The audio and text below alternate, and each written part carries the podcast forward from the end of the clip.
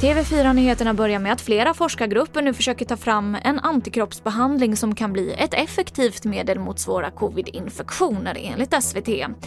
De kallas monoklonala antikroppar och är biologiska läkemedel som sedan länge används för att skydda små barn mot RS-viruset. Och enligt en professor på Karolinska institutet så tror hon att det kommer att gå snabbare att få fram dem än vaccinerna. Östgötatrafiken ska begränsa antalet passagerare på bussar och pendeltåg för att minska spridningen av covid-19. Om det blir för trångt så kan föraren neka passagerare.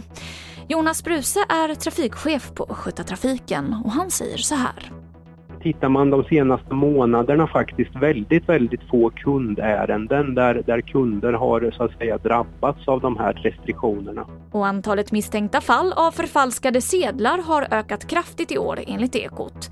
Hittills i år har 1600 fall av misstänkt förfalskade sedlar kommit in till Nationellt forensiskt centrum, NFC.